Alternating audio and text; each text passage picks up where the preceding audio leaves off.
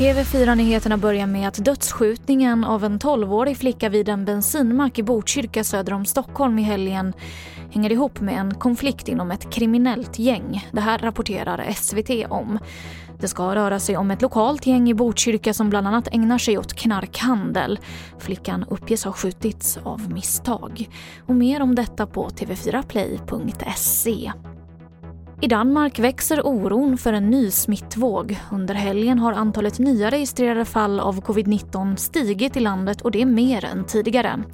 Från att förra helgen ha stigit med strax över 100 nya fall till att i helgen stiga med över 200 fall.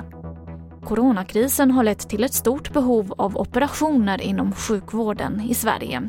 185 000 personer beräknas stå i kö just nu och regionerna planerar att beta av uppskjutna operationer genom att utgå från behov istället för väntetid.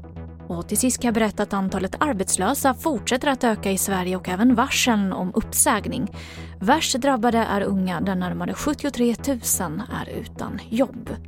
Och det var det senaste från TV4 Nyheterna. Jag heter Emily Olsson.